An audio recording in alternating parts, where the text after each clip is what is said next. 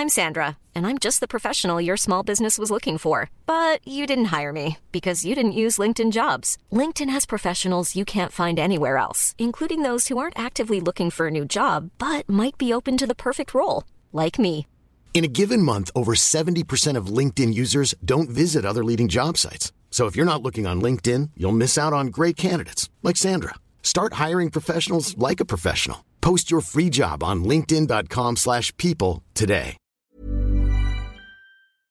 Halo pendengar GGMI Podcast, baik lagi bersama kita berdua. Dan untuk teman-teman yang mau melakukan recording podcast atau memulai project podcastnya, kita mau ingetin untuk teman-teman jangan lupa menggunakan namanya aplikasi Anchor. Karena lewat Anchor teman-teman bisa nge-record dan langsung mendistribusikan hasil podcast teman-teman ke Spotify. Nah, pada bahasan kali ini kita akan sedikit bergeser karena para pemain sudah atau sedang ya lebih tepatnya menjalankan peran tugas negara karena dimulainya masa Piala Dunia 2022 yang hype nggak hype-nya bisa kita perdebatkan ya. Jujur rasa untuk akhirnya nonton Liga Inggris tuh masih ada ya meskipun nanti kita lihat gimana akhirnya Piala Dunia itu bisa menawarkan magis berbeda. Tapi di episode kali ini ya kita akan ngebahas satu buah topik ya di mana akhirnya ketika sudah mulai menjelang masa Hamin satu bulan dari dibukanya masa transfer maka geliat Don Fabrizio Romano dan juga kawan-kawan sebagai jurnalis tuh sudah mulai menebarkan teror ya. rumor-rumor tidak pasti ataupun ada berbagai macam sumber tire yang memang bisa kita perdebatkan dan pada episode kali ini kita akan ngebahas dua nama secara spesifik yang katanya Ten Hag itu tertarik untuk mendatangkan Enzo Fernandez dan juga Yosef Mokoko. Nama yang mungkin tidak terlihat familiar ya buat sebagian besar orang, tapi nanti kita akan coba bahas dan kita akan mulai dari Enzo Fernandez dulu nih. Lu ngelihat akhirnya ketika MU dikaitkan dengan nama seorang Enzo Fernandez gitu. Apa yang mungkin ada dalam isi kepala kenapa, akhirnya Enzo Fernandez itu muncul gitu ke permukaan, Vin? Uh, Enzo Fernandez ini memang udah jadi nama yang cukup diperbincangkan ya di uh, semusim belakangan ini gitu. Dia baru pindah dari River Plate, kemudian sekarang main di Benfica dan ya cukup bagus bermainnya gitu. Dan pada akhirnya di musim ini gitu dia banyak banget menjadi incaran para tim-tim Eropa ya papan atas dan salah satunya adalah MU di uh, beberapa hari lalu gitu katanya bakal memberikan crazy bit kepada Fernandes gitu. Uh, gimana ya? Gua menanggapi itu sebenarnya mungkin kalau misalnya cuma melihat di musim ini aja agak tusun sih gitu kayak karena kalau misalnya gua melihat gitu loh permainannya Fernandes ini sebetulnya dia bagus gitu. Cuma apakah satu ini adalah tipe pemain yang MU butuhkan pada saat ini gitu. Karena mengingat kita mungkin ada profiling yang sama gitu loh. Dia bukanlah seorang pemain yang memang menjadi titik focal point ketika membangun serangan dari belakang. Itu sih menurut gue karena menurut gue itu yang sekarang tuh lagi menjadi titik di mana MU sangat liking gitu loh. Kita ketergantungan dengan Erikson Casemiro pun butuh support gitu loh. Casemiro bagus tapi dia bukanlah pemain yang fasih dalam melakukan passing gitu loh. Kalau ada space dia bisa, tapi kalau terjepit dan ada press dia juga kesulitan gitu loh. Dan kalau yang gue lihat Fernandes ini, Enzo Fernandes ini lebih seperti uh, eh, box to box player gitu loh. Dia um, all rounder seperti Jude Bellingham gitu. Jadi menurut gue kalau mungkin MU ingin mencari versi murahnya ya dari Jude Bellingham, ya menurut gue go for Enzo Fernandes gitu loh gitu. Jadi dengan tag harga menurut gua dia harusnya nggak begitu mahal ya. Maksudnya nggak semahal si Bellingham gitu. Cuma pada akhirnya uh, kita harus masih mengkaji lagi melihat sampai Januari apakah memang Fernandes ini adalah tipe yang dibutuhkan oleh MU pada saat ini atau bukan. Hmm, hmm. Oke. okay. Ini gue mencoba untuk joke set dulu ya. Kayak kita kan punya tiga Anthony ya. Anthony Elangga, Anthony Martial, dan juga Anthony Spin Ball gitu kan. kan Fernandes datang, kita punya tiga Fernandes juga. Bruno Fernandes, Alvaro Fernandes, dan juga Enzo Fernandes. Oh iya benar. Meskipun Fernandesnya belakangnya beda ya. Iya benar ya. benar tapi mostly ya uh, apa namanya penyebutannya ya penyebutannya mirip lah ya gitu kan. Uh, bagaimana akhirnya kita sedang mengumpulkan klan-klan Fernandes juga klan-klan Anthony gitu kan. Jadi hmm. nanti nextnya mungkin Martinez kali yang kita kumpulkan ya Hai, Martinez siapa lagi? Oh ini Lautaro Martinez. Lautaro ya. bisa, bisa, bisa. Kalau proyek kayak berhasil kayak dilanjutin kayak sama Iya. Oke, tapi ngomongin Fernandes ini jujur pemain yang setelah gua nonton di YouTube 8 menit gitu. Kelihatan banget ya bagaimana akhirnya kita pandit eh, YouTube gitu. Ngerasa untuk pemain yang berusia sekarang 21 tahun ya. Dan sekarang dia itu udah menjadi key members player dari eh, Roger Smith ya di Betul. Benfica gitu. Di mana eh, musim ini aja dia tuh udah mencetak 22 penampilan dengan scoring 3 goals dan juga 4 assist gitu kan yang mana eh, akhirnya eh, yang paling mengejutkan adalah dia satu grup sama PSG dan juga Juventus dan dia jadi pemuncak klasmen kan Hmm, iya benar. Nah, ini kan adalah hal yang akhirnya tidak diduga-duga siapa akhirnya bisa ngeduga Juventus terjun ke eh, ya apa UEFA gitu eh, dan segala macam gitu lah. Tapi kalau ngomongin Enzo sendiri kan tadi lu bilang ya bahwasanya Enzo ini bukan apa ya, bukan subsidiary dari De Jong gitu karena beda pemain gitu. Malah ini justru malah lebih kepada mungkin calon penggantinya Fred ya atau mungkin McTominay yang akhirnya Iya, kalau iya. Mm-mm. jadi dijual gitu atau mungkin ya Donny van de Beek perhaps meskipun gua nggak yakin ini dua tipe yang sama gitu tapi menurut gua secara level umur ya 21 tahun punya potensi dan kalau kita secara muka garang ya Iya. Ya ala-ala ala-ala Martinez lah. iya gitu kan kita betul- nambah na- nambah stok preman sih kita. Bener itu gua ngelihat menambah jumlah orang bully gitu kan di squad tuh gua akan mengimbangi muka-muka lugunya Luke Shaw ataupun Harry Maguire. Lebih kapten material kayaknya ya. Iya bener bener kan. Bahkan tuh ini tuh gue ngeliat ya dari postingan 433 Kalau teman-teman juga pasti tahu yang 433 eh, Pernah nge-tweet di salah satu kesempatan Oktober 2000 Eh Oktober 2020 kemarin Dan tulis Remember the name Enzo Fernandez gitu kan. Maksudnya banyak akhirnya eh, pundit dan juga media olahraga yang memberikan rating cukup tinggi nih Vin sama Hmm, Enzo gitu kan. yes, yes. Meskipun ya baik lagi ya, belum ada yang akhirnya bisa menjadi suatu patokan atau tolak ukur. Kenapa? Karena kadang buat bermain yang akhirnya masih muda gitu kan. Terus terus pindah itu cepat banget dari eh, tadi bahkan klub dari Argentina langsung pindah ke Benfica terus misalkan ke MU misalkan ya itu kayak mungkin terlalu good to be true kali ya meskipun beberapa orang ada ya kayak contoh Anthony dari eh, mana gue lupa Sao, Sao Paulo ya kalau nggak salah ya Mhm, Sao mhm. Paulo terus ke Ajax ke MU gitu kan dari umur yang juga sama 21 tahun Hmm, gitu jadi Iya. gue ini adalah suatu hal yang sangat common di era sekarang gitu kan tapi Hmm. kalau akhirnya kita ngelihat nih ya eh, secara eh, availability ya kalau akhirnya kita harus melihat En- eh, Enzo sebagai opsi gitu dan ini kita terbuka di summer ya by the way bukan di siapa namanya bukan di winter Januari. ya kan karena terlalu riskan banget gitu Benfica kehilangan Enzo di bulan Januari menurut gue tuh bego banget kalau mau ngelepas gitu karena mereka Iya, masih iya. mhm. poin Liga Champion kan.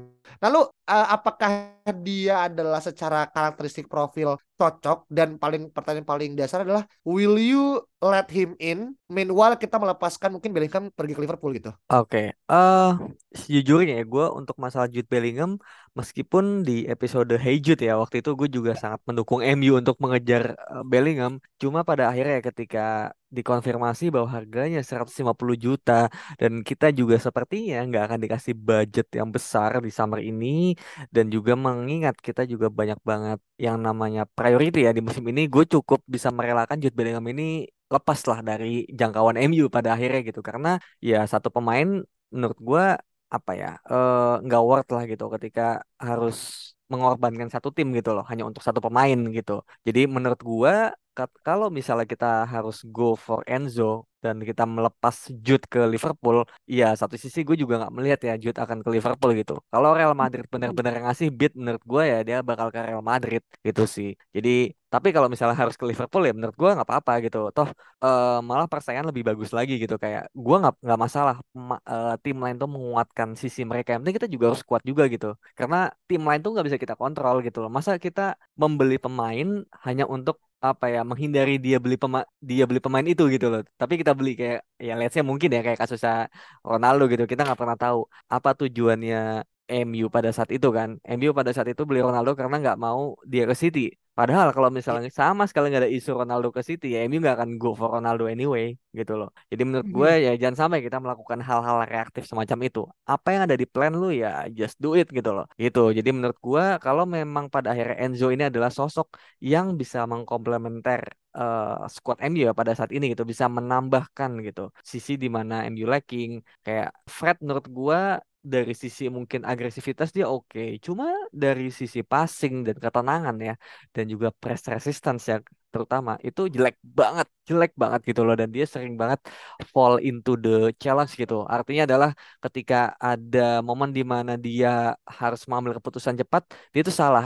Contohnya misalnya dia harusnya bisa menunggu 50-50 menunggu momen di mana pemain lawan maju dan dia bisa cari timing yang pas untuk tackle tapi dia langsung tackle yang mana dia kelewat akhirnya. Sedangkan dia adalah pemain terakhir di uh, lapangan sebelum back gitu loh. Jadi menurut gua dia bisa Enzo ini bisa menjadi sosok yang sangat-sangat mengupgrade Fred gitu. Tapi dengan sisi passing lebih baik lebih muda lebih garang juga dan gak akan dibully justru dia akan ngebully pemain lain gitu loh. Iya, iya, iya. gitu sih. Cuma sejujurnya apakah harus didatangkan pada musim depan? Nah, itu dia tergantung budget. Kalau dengan budget seadanya menurut gua ini harus ditahan sampai musim depannya lagi. Kita tetap harus kita jauh lebih butuh pemain yang kreatif sekarang daripada pemain seperti Enzo menurut gua gitu loh. Yang benar-benar uh, gua nggak bilang Enzo ini jelek passingnya, cuma apakah dia adalah pemain yang bisa menjadi uh, pengontrol tempo seperti Modric atau Cross atau Jorginho seperti uh, Gundogan. Dan gua rasa dia bukan pemain seperti itu. Dia adalah tipe battler gitu loh di lini tengah gitu loh. Jadi kita hmm. membutuhkan pemain seperti Gundogan di City atau di Liverpool seperti Thiago Alcantara atau di Spurs. Mereka nggak punya. Di Arsenal tuh sekarang nggak ada juga. Cuma mungkin Tielemans gitu kan. Ya pemain-pemain seperti itulah yang menurut gua lagi sangat dibutuhkan MU karena kita lihat ya lawan Aston Villa seberapa kita sangat ketergantungan sama Erikson kan? Ketika dia masuk kita langsung mudah untuk mencetak peluang setidaknya gitu. Jadi pemain seperti Erikson inilah yang menurut gua lebih dibutuhkan daripada Enzo. Jadi kalau duitnya terbatas ya Enzo tahan lagi sampai musim depannya. Hmm, oke, okay. wah ini analisis yang menarik ya. Dan ini udah ngomongin masalah guda katik budget ya tentang bagaimana akhirnya budget yang kita punya. Dan kita kan juga tahu ya MU ada budgetnya gitu kan. Kita juga nggak mau menutup nggak menutup mata kalau dibandingin sama mungkin ya Arsenal gitu kan atau mungkin klub tetangga kita mungkin masih lebih lebih loyal meskipun pasti ekspektasi fans kan tinggi. Tapi kalau bisa kita lihat ini menggunakan sudut pandangnya Cheese Football Observatory gitu kan di mana kira value-nya Enzo juga nggak murah ya 53 juta euro gitu kan. Yang mana menurut gue kalau mungkin kalau di poundsin mungkin di angka 58 lah mungkin ya gitu kan. Hmm. karena kita nggak tahu apakah dia worth it itu apa enggak dan di angka sekarang ya terlepas mungkin inflasi lah karena mungkin orang juga udah sangat-sangat gambling banget ya. Even siapa yang bisa mengira gitu kan Joao Felix di angka 20 juta gitu. Hmm, iya di ke klub Atletico Madrid dan itu dari Benfica juga gitu. Jadi menurut gue Benfica tuh adalah satu uh, klub yang memang bisnis modelnya emang dari jual pemain gitu. Benar. Dari main, ya, iya kan? Dan hmm. banyak gitu nggak cuman uh, gue yakin sih nggak cuman Benfica doang ya, Borussia Dortmund, Ajax perhaps gitu kan. Klub-klub yang akhirnya tahu diri quote unquote ya. Meskipun juga di musim ini ya by the way Benfica tuh masih belum terkalahkan loh hmm. di liga gitu kan dan juga di supremasi di Liga Champions menurut gue tuh hal yang jarang masuk ke dalam radar ya gitu kan dan kita tahu bagaimana pemain-pemain ex Benfica yang akhirnya melejit namanya kan di Liga Inggris kayak Diaz gitu kan terus juga kita dulu kenal Nicolas Otamendi gitu kan benar uh, Gaitan gitu kan Angel Di Maria gitu Darwin Nunes yang paling baru lah meskipun itu ya produk beda lah ya agak lain memang itu orang gitu tapi menurut gue banyak akhirnya bahkan ya ini pelatihnya uh, siapa namanya uh, Enzo sebelumnya itu bahkan me mengaitkan dia menyamakan dia dengan Al Maestro Zinedine Zidane bos. Hmm, Oke. Okay. Sedikit berat ya dan gue nggak suka sebenarnya sih. Kayak orang itu oh the, the next Zidane gitu kan the next Ronaldo gitu kan. Dan mana gitu kadang kita nggak pernah diingat tuh dulu Garnacho di digonggongkan kayak gitu kan ujungnya mungkin jadi gitu kan. Tapi banyak lah ya teman-temannya akhirnya uh, tidak berada di bawah di bawah bayang-bayang justru malah lebih sukses secara karir gitu kan. Jadi ya ini gue harapannya pun kalaupun akhirnya Enzo itu uh, layak gitu. Tadi bener kalau kata Alvin ya kita punya prioritas ya Vini ya. Satu striker udah pasti ya dua adalah pemain kreatif gitu kan. Ya ketiga mungkin baru bisa masuk ke kalau misalkan contoh Fred atau McTominay dibuang atau dijual di Lego ya maka Enzo adalah opsi yang menurut gue lebih mu, lebih muda ya itu pasti gitu kan. Dan kedua menurut gue sih lebih kepada kita overhauling di squad sih. Itu yang paling penting menurut gue sih. Hmm. karena jangka panjang kan Enzo masih 21 gitu. Kalau dia join mungkin 22 jadi kita mungkin masih punya waktu 8 9 tahun lagi tuh kan. Iya iya ininya dia gitu. Dan gue yakin Enzo juga tim main yang sama kayak Martinez ya tipikal South American yang stick aja dengan satu tim gitu. Dia nggak yang aneh-aneh gitu kan. Nggak yang mau apa segala macam jadi well buat gue pribadi honestly Enzo adalah masif upgrade untuk Fred dan juga McTominay. Tapi kalau ada banyak banget pundit yang mengaitkan forget the wrong untuk Hernandez, menurut gue it's two totally different case ya. Mm-hmm. Gue yakin pun juga pasti sama-sama sadar lah kalau kita tidak tidak sedang membicarakan De Jong ataupun Enzo gitu kan. Nah terakhir sebelum kita pindah ya ke satu pemain yang juga gak kalah exciting adalah seberapa chance lu untuk akhirnya kita bisa mendapatkan Enzo di musim depan baik itu secara satu uh, budget yang kedua availability dari yang bersangkutan. Um, kalau availability menurut gua karena tadi ya dia menurut gue lagi sangat di apa sih namanya lagi sangat dilatih lah maksudnya dengan baik gitu sangat diasuh ya sama si Roger Smith itu. Dan menurut gue dia akan jadi pemain yang jauh lebih bagus lagi ketika dia mungkin ditahan satu sampai dua musim lagi gitu loh di di Benfica gitu. Rather than lu langsung ke tim gede dan bakal banyak press uh, pressure di sana gitu. Jadi menurut gue uh, ya seperti Erling Haaland dan juga Sesko ya yang mana dia memilih untuk ke tim yang levelnya sedikit lebih di atas tim yang sekarang tapi nggak langsung ke tim besar gitu. Itu adalah step yang paling bijak menurut gue dan di hmm. Benfica ini ketika dia akan langsung pindah menurut gue ya sangat uh, tusun gitu untuk pada akhirnya dia pindah gitu. Jadi kalau misalnya cuma melihat dari sisi itu aja menurut gue uh, the best time buat dia pindah ya nanti gitu loh nggak untuk musim depan dan ini juga bakal berlaku untuk MU gitu kayak masih banyak priority yang harus dibeli bahkan di berita yang beredar gitu kayak goalkeeper, right back, striker dan juga uh, mungkin uh, eh, CB ya gitu kan center back itu juga pada akhirnya lebih vital menurut gue daripada Enzo gitu. Jadi menurut gue Enzo ini sangat apa ya kayak uh, priority keempat, kelima, keenam gitu loh. Jadi kalau lo bilang chance menurut gue ya 10-20% gitu untuk didatangkan gitu hmm. gitu sih. Oke, okay. Kalau lo akan dengar ini 10% 20% gue yakin ini mungkin lebih tinggi harusnya ya. Karena kita akan berbicara masalah the upcoming hot prospect talent gitu kan. Di mana akhirnya ada nama Yosef Mokoko. Di mana ini juga kita sering banget ya obrolin di grup internal. Meskipun bukan di GGMU ya sama grup satu lagi gitu kan. Mokoko adalah apa ya bisa dibilang ya, calon bintang masa depan ya. Di mana kalau kita lihat secara umur masih 17 tahun.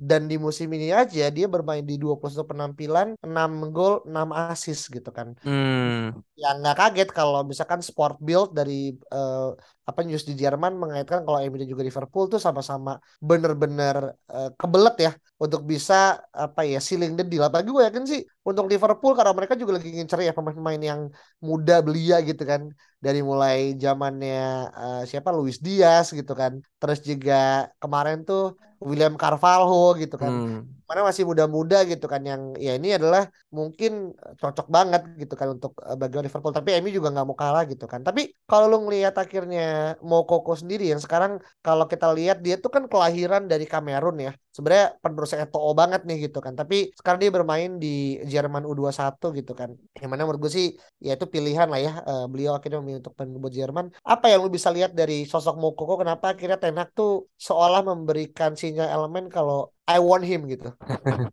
Iya Mokoko ini sebenarnya skillful banget. Gue juga lagi lihat ya dia di Dortmund permainannya seperti apa. Dia skillful, kaki kiri dan mungkin satu hal yang sangat um, apa ya, menarik adalah dia tuh uh, bisa bermain gak cuma sebagai striker pure yang pencetak gol gitu. Tapi dia juga sering mundur ke belakang untuk jemput bola kemudian dengan dribblenya dia bisa lewatin pemain dan enden dia kasih ke pemain sayap gitu loh. Jadi ini tuh mirip banget dengan Anthony Martial gitu menurut gue yang mungkin lebih muda dan juga lebih fit ya gitu. Jadi um, dari sisi profile gue melihat dia sangat cocok sih dengan MU gitu. Cuma uh, satu hal yang bikin sulit kan adalah ya dari Dortmund gitu. Yang mana gue juga sangat yakin Dortmund ini nggak akan semudah itu gitu ngelepas si Mokoko ini. Apalagi Mokoko ini dari usia 15 tahun ya kalau nggak salah dia direkrutnya gitu. Jadi nggak mungkin Ya. ujuk-ujuk tiba-tiba setelah tiga tahun dilepas begitu saja dengan harga yang sangat murah gitu.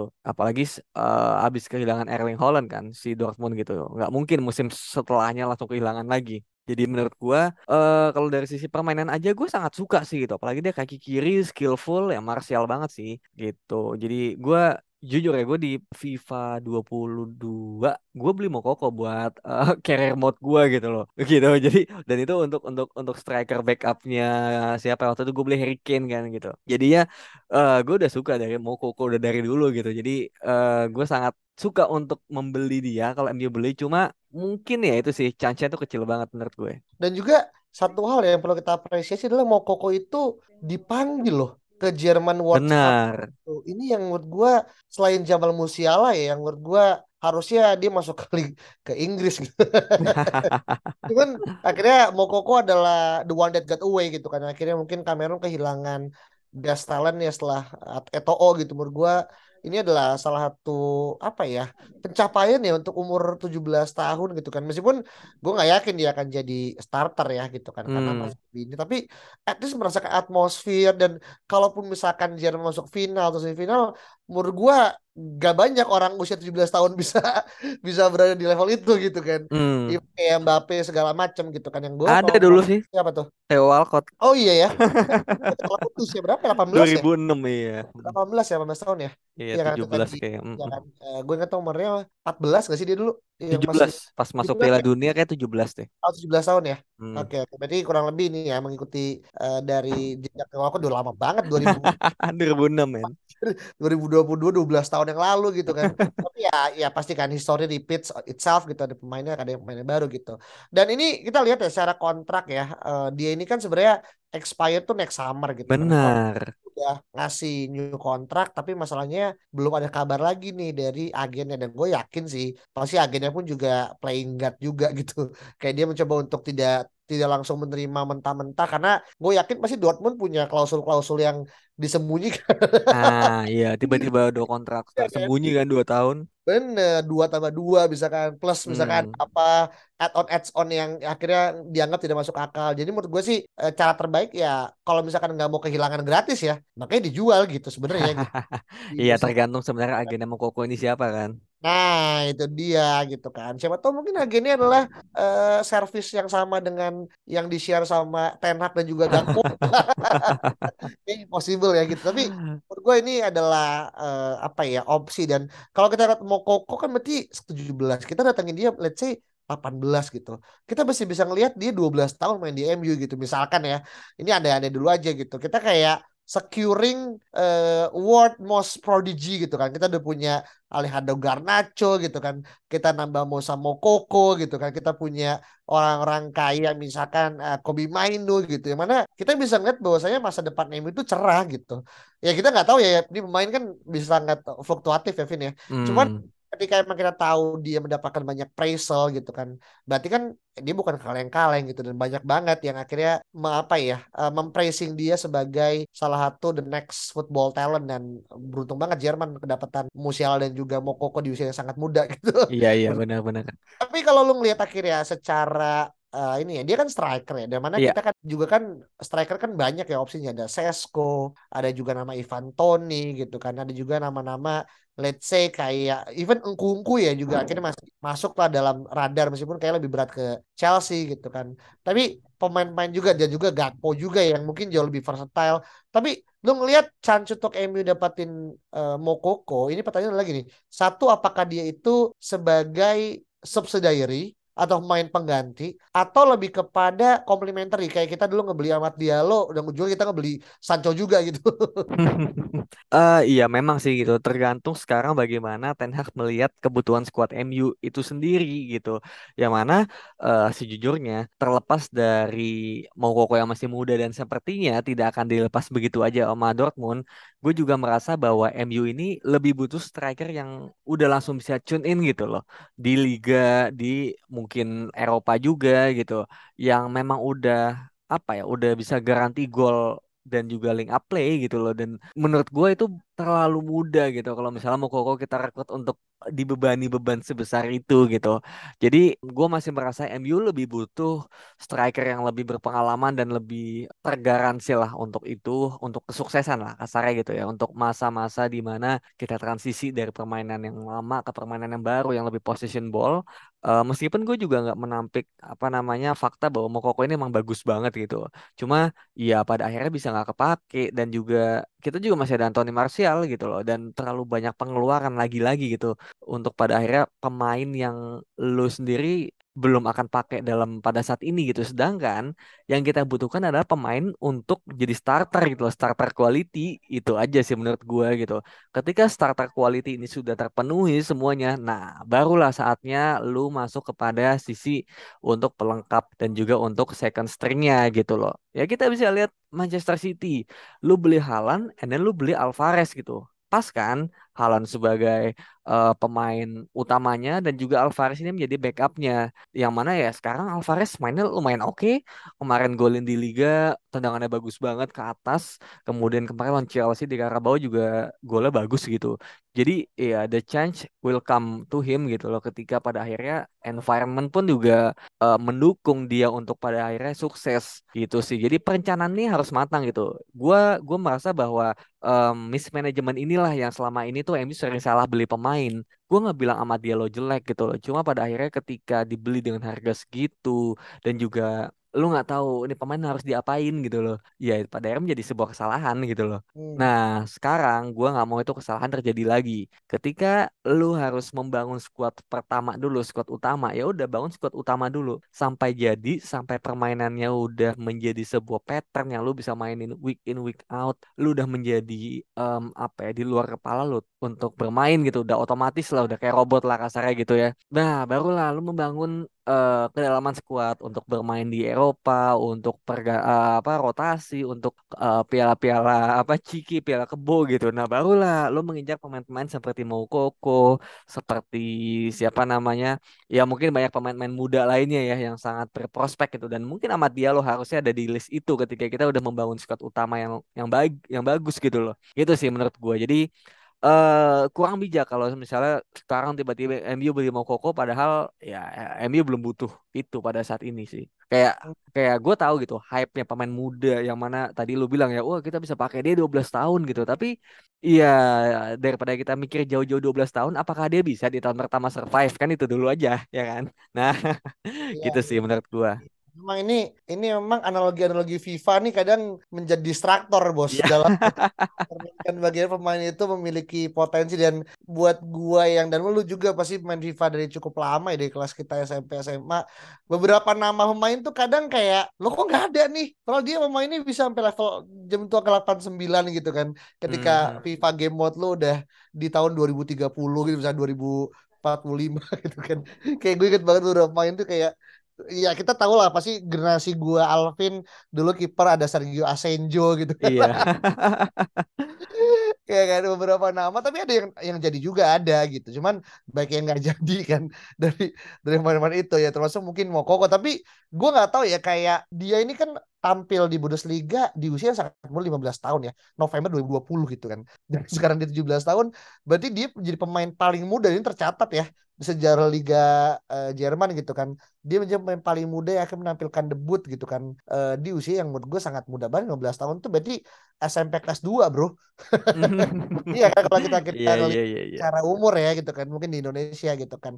Nah itu yang pertama. Yang kedua ini juga yang menurut gue cukup harus diperhatikan. Kenapa? Karena gue baca di Sport Build kalau bapaknya Mokoko, which is orang uh, Cameron yang orang Cameron, dia itu tuh punya masalah sama agennya. Kenapa? Karena agen dianggap greedy atau rakus dan gue ngerasa aduh nih kalau misalkan adalah uh, Rayola 2.0 menurut gue bahaya banget nih gitu kan. Hmm. Pasti kan ini jadi incaran banget gitu. Karena setelah sekarang katanya gue baca juga karena ada pertentangan antara bapaknya dan juga agennya, bapaknya mencoba untuk mencarikan agen yang baru untuk Mokoko gitu kan. Karena ya tadi pasti menanggapi situasi yang serba kalut gitu kan. Kalau akhirnya agen ataupun orang yang bertanggung jawab tuh hanya fokus pada uang, ya maka bisa jadi taruhannya adalah masa depan gitu kan. Benar. Gitu kan. Dan gue juga nggak rela ya lihat Mokoko main di MU U23 U21 tuh menurut gue man you are killing me with bazooka gitu. Dia udah biasa main dia main di liga dia main di Piala Dunia terus tiba-tiba lu nyuruh dia main di U23 Championship gitu. Menurut gue tuh penistaan sih. Iya iya, Kan, benar benar benar. Makanya makanya menurut gue juga em, kayaknya track terbaik dia untuk Moukoko adalah ya lu menjadi striker masa depannya Dortmund gitu loh. Yang mana mungkin eh, selama ini selalu beli pemain ya, apalagi sekarang Haller juga masih masa penyembuhan untuk tumornya. Jadi menurut gue eh, Haller dan juga siapa Moukoko ini ya bisa menjadi eh, saling melengkapi gitu loh. Di mana Haller sekarang lagi penyem masa eh, apa recovery ya Moukoko bisa menjadi pemain utama gitu dan kemudian nanti kalau kalau Haller udah kembali ya bisa bergantian juga gitu loh seperti itu gitu. Menurut gua itu adalah pola yang lebih baik gitu. Dan gue juga di transfer market ya Moukoko ini chance-nya itu paling gede itu malah ke Liverpool gitu. 53% ini juga harus diwaspadai gitu loh. Kayak kayak Liverpool juga udah mulai ini kan apa namanya em, harus mungkin memikirkan masa depan pemain-pemain depannya gitu. Kayak em, Salah kan udah mulai tua gitu. Dan sekarang dia udah ada Ya, Nunes, udah ada Jota gitu, Diaz. Sepertinya ya mereka butuh satu pemain depan lagi gitu loh untuk pada akhirnya bisa menggantikan Mohamed Salah gitu dan gue juga khawatir gitu kalau mau Koko pada akhirnya ke sana dan juga ada Jude Bellingham gitu kayak kuat banget gitu. Meskipun gue juga nggak mau ya, again kayak tadi gue bilang, lu beli mau Koko hanya untuk menghalangi dia ke Liverpool gitu. Padahal lu butuh pemain yang mungkin jauh lebih besar daripada itu pada saat ini gitu sih. ya, Jadi ya. ya gitu sih. Hmm, ya memang ujungnya akan opportunity cost ya. Lo nggak bisa mendapatkan semua pemain gitu. Dan Iya bener kan? ini bukan kali pertama lah kita akhirnya melihat bagaimana dulu eh, dramanya Eden, Hazard gitu kan. Terus juga bagaimana akhirnya ba- eh, banyak hal lah yang akhirnya kita sebagai fans MU itu seolah kayak udah terbiasa gitu untuk merasa ditikung di menit akhir atau bahkan kita kalah ngebit lah segala macam. Tapi yang menurut gue cukup menarik adalah Mokoko adalah dia juga mendapatkan ini ya apa appraisal ya dari Erling Haaland gitu kan. Ini meskipun di akhir musim lalu gitu kan. Di mana kayak eh, dia bahkan bilang kayak gue pengen nih main sama dia gitu kan nanti gitu kan sometimes semoga nggak di City ya beneran udah ke situ juga sih menurut gue nih udah terlalu dimonopoli sih sama satu kayak Liga Inggris udah langsung kayak jatuh kayak La Liga akhirnya cuman Barca Madrid gitu aja cuma City doang gitu masalahnya gitu kan. Ini akhirnya gue gue takutkan kalau emang beneran terjadi eh, nggak cuma ke Liverpool tapi juga ke City di usia yang maksud gue secara angka ya 26 juta pound tuh kan nggak ada apa-apanya gitu. Iya kan? Hmm. kita aja ngedatengin Ronaldo dari Benfica dulu di usia di di angka 12 juta kan itu aja dulu Arsene Wenger ditawarin di angka segitu nggak mau ya kalau teman Mhm. lihat kan iya kan Iya iya. Hmm. Eh, Ronaldo kan tawarin ke Arsene Wenger ke Arsenal kan dia bilang kayak enggak terlalu mahal gitu kan. Ya sekarang 26 juta tuh udah kayak Ahmad Diallo 37 gitu kan. 18 tahun gitu kan. Kayak apalagi Mokoko yang udah punya skala sekali berpia apa CV-nya Piala Dunia menurut gue sih harus kita perhatikan lah gitu kan. Tapi emang sulit ya mencoba untuk ideal di kondisi yang kalut gitu kan. Benar Di mana benar. Sebagai fans tuh ngerasa kayak we want all the players we wanted tuh join ke tim tuh kayak gue mau Bellingham, gue mau Enzo, gue mau mau Iya mau semua kan. Young gitu kayak lo gimana gitu? Lo ngerunning squad emang berapa budget 500 juta gitu kan? Kalau udah di beat sama Jim Ratcliffe mungkin bisa beda cerita ya gitu kan. Tapi kan ini kan masih dalam kondisi yang kita tahu bagaimana tim kita atau MU dikelola sama bandar gitu. Gue nyebutnya gitu. Oke, nah mungkin untuk eh, nutup ya episode kali ini, lu untuk ko mengkoko berapa nih untuk chanceability dan juga apa namanya rate untuk dia akhirnya bisa pindah nih MU? Hmm, kalau misalnya tadi Enzo aja gua ngasih 10-20% ya mau Koko mungkin gua kasih 1 sampai 5% sih kayak eh, very unlikely sih. Kayak ini pada akhirnya hanya keinginan dan juga harapan semata yang mungkin para fans ini bisa mewujudkannya di FIFA ya, bukan di real life gitu. Iya iya iya iya oke oke. Gue kira tadi makin menambah, Iya. makin berkurang gitu kan. Salah tebakan gue. Tapi ya dan Mokoko kan bukan nama yang baru ya. Ketika kita ngomongin striker muda, kita tahu juga ya. Musim lalu kita juga ditawarkan Broby kan. Hmm, iya iya kan iya. juga juga 17 tahun lah, mungkin 18 tahun gue lupa. Tapi ya most likely mungkin secara potensial gue nggak bisa membandingkan Mokoko dan juga Broby karena itu dua orang berbeda dan yang satu udah masuk ke Piala Dunia, yang satu akhirnya masih mencoba untuk mendapatkan tempat di Ajax gitu kan. Eh, tapi in the end of the day memang perlu untuk diperhatikan jangan sampai uang yang digelontorkan itu waste money kan. Karena ya jangankan ini ya kita tahu sendiri bagaimana kita chance Anthony Martial lu dianggap 50 million down the drain kan. Mm-mm. Ya ya mungkin sekarang kita bisa berefleksi apakah chance itu masih beneran eh, berlaku apa enggak gitu kan. Tapi di di tahun Martial datang kalau salah tahun 2017 ya. Ya nggak sih? Tahun berapa sih dia datang 2016 ya, 16 Eh, ya. iya 16. Mm. 16 dan gue ingat karena dia pakai pas debut tuh pakai sepatu Nike warna pink kalau nggak salah ya gue inget banget dia golin warna pink gitu kan eh itu aja itu aja kan 36 juta pounds ya gitu kan yang mana di angka itu mungkin sekarang kalau menggunakan inflasi mungkin di sampai angka 50 kali ya 40-an lah gitu kan yang mana mau Koko dua, di usia 17 26 menurut gue sih ya anggap aja itu adalah eh, inilah ya investasi di blue chip gitu ya kan kalau ibaratnya itu segala macam. Nah, teman-teman nih mungkin punya pendapat yang sama atau pendapat yang beda mengenai Mokoko dan juga Enzo Fernandez ya. Dari apa yang tadi Alvin sampaikan, dari apa yang tadi gua coba tambahkan melalui data yang gua baca, silahkan teman-teman untuk kasih komentar terbaiknya di Twitter kita @ggmi podcast dan juga terakhir jangan lupa untuk follow dan juga kasih bintang limanya ke podcast GGMI untuk kita bisa terus memproduksi konten-konten yang lebih baik. Itu aja. Thank you so much. Kita ketemu lagi pada episode berikutnya. Bye-bye. Imagine the softest sheets you've ever felt. Now imagine them getting even softer over time. That's what you'll feel with Bowl and Branch's organic cotton sheets. In a recent customer survey, 96% replied that Bowl and Branch sheets get softer with every wash. Start getting your best night's sleep in these sheets that get softer and softer for years to come. Try their sheets with a 30-night guarantee. Plus, get 15% off your first order at bowlandbranch.com. Code BUTTERY. Exclusions apply. See site for details.